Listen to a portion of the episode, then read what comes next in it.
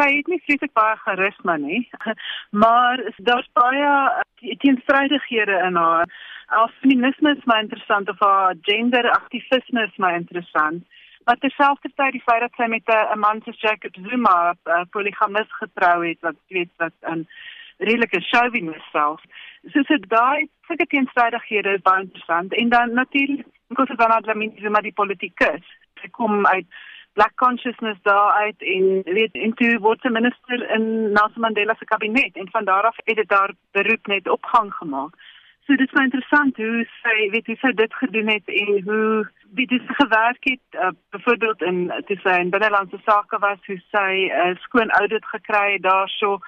So ja, so dit was sy het 'n baie interessante persoon om om na te kyk. Wat dink jy sal haar reaksie wees op die nuwe Ayanda Mbulu kunswerk wat haar en president Zuma op 'n baie kru manier vertoon. Ek neem aan weet sy los dit vir die vroue ligaan vir ondersteuners om om 'n reaksie daaroor uit te druk, maar ek dink sy self sal seker nie daarvan hou nie. Uh, maar sy is ook 'n demokraat, so ek neem aan sy sal sy sal dit nie sensor of as sy president sou wees, sal sy dit nie sensor nie, maar ek meen sy sal nie kon in elk geval nie. Karin die Zuma familie is ten nouste betrokke by die sogenaamde Gupta netwerk.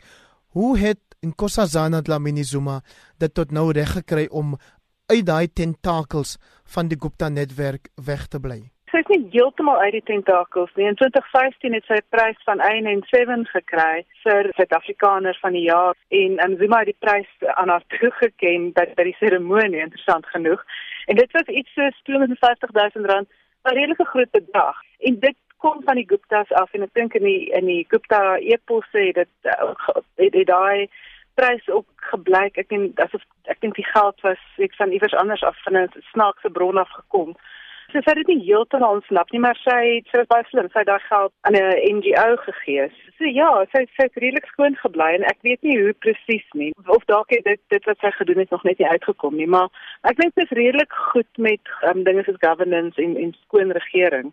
So ek dink sy sal sy sou baie slim rondom dit gehandel het as as sy enigsins betrokke is daarbey. Wat reken jy is die onderliggende rede vir waarom sy nie noodwendig hou van die assosiasie met haar voormalige man as deel van hierdie ANC leierskapveld tog nie? Ek dink haar feminisme is is is, is een van die redes. Um, en die feit dat sy in 1998 geskei en van wat ek kon agterkom was dit dit was weet sy was kwaad vir hom gegee vir daai stadium. Daar was 'n uitval van een of ander aard geweest. En vir 'n vrou om te skei, 'n Zulu vrou om te skei, ehm um, dit is nie dit is nie 'n maklike ding nie. So ek neem aan sy was baie vasberaad om van hom ontslae te wees. En ek het ook gehoor hy hy het nog probeer vrede maak, maar sy sy wou loop. So ek dink dat daar's 'n emosionele deel, maar ook ek dink sy besef watter skade die korrupsie aan aan Zuma se beeld doen en ook aan die land doen. Sy het 'n voorbeeld te sê haar huis um, in naby Boulevard het sy huis en sy wou dit 'n bietjie vergroot het terwyl sy um, by die by die Afrika Unie was. Maar dit het die gemeenskap ook gesê sy wil net nie nog 'n Kandla bou daar nie. So, so ek dink sy is baie bewus daarvan om nie weet nie korrup te lyk nie of nie korrup voor te kom nie. Nie daai ek weet nie hoe om dit Afrikaans te sê nie, daai ostentatious displays of wealth om nie daan te verval nie. Wat steeds teen haar gehou word is die sogenaamde Sarafina 2 skandaal en dalk ook die Virodin skandaal. Ja, nee, daar's twee skandale, dit het vroeg na loopbaan gebeur, sy sy minister van gesondheid was.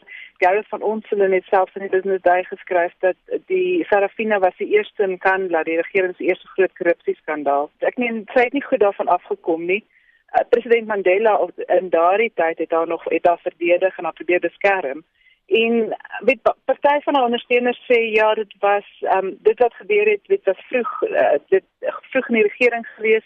Daar was onkunde, daar was tekort aan ervaring gewees. So hulle sê dit is dan maar ook wat interessant is dat sy dit sy nie later in haar loopbaan uh, nog sulke foute gemaak het nie. Dis die positiewe, maar die negatiewe is dat dit al gebeur het.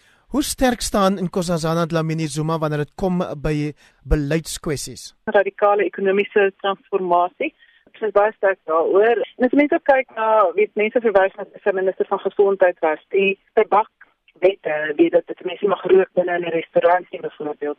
Dit kom van haar af. Ek meen daai tyd was dit baie kontroversieel geweest, maar wat men nou is mense breek nou dis 'n goeie ding en gesondheidsorg, primêre gesondheidsorg vir maas en kinders byvoorbeeld kom ook van haar af. So dit So daai daai tipe van ideologiese goed is sterk en ek meen as sy positiewe goed kan kan vermag, sal dit goed wees. Ehm um, maar uh ja, maar ek meen die radikale ekonomiese transformasie byvoorbeeld, niemand weet nog regtig wat dit beteken nie. So daai onsekerheid is nie goed nie. Wat is die prys wat sy sal moet betaal om president van die ANC te word? Ja, dis 'n interessante vraag daar want ek dink sy wil al lank al 20 jaar lank van wat sy president word. So dis as baie sterk ambisie. Maar as jy kyk na die mense wat wat vir haar die veld tog voer, ek dink op 'n manier voel sy dat dit al maniere is waarop sy president kan word. Ek dink die prys wat sy wat sy betaal daar is 'n reële hoë prys en dit is interessant om te sien as sy president is of sy hierdie netwerke weet kan beloon en of sy hulle gaan sê as hy president is, okay, ek is nou president, nou maak julle soos wat ek sê.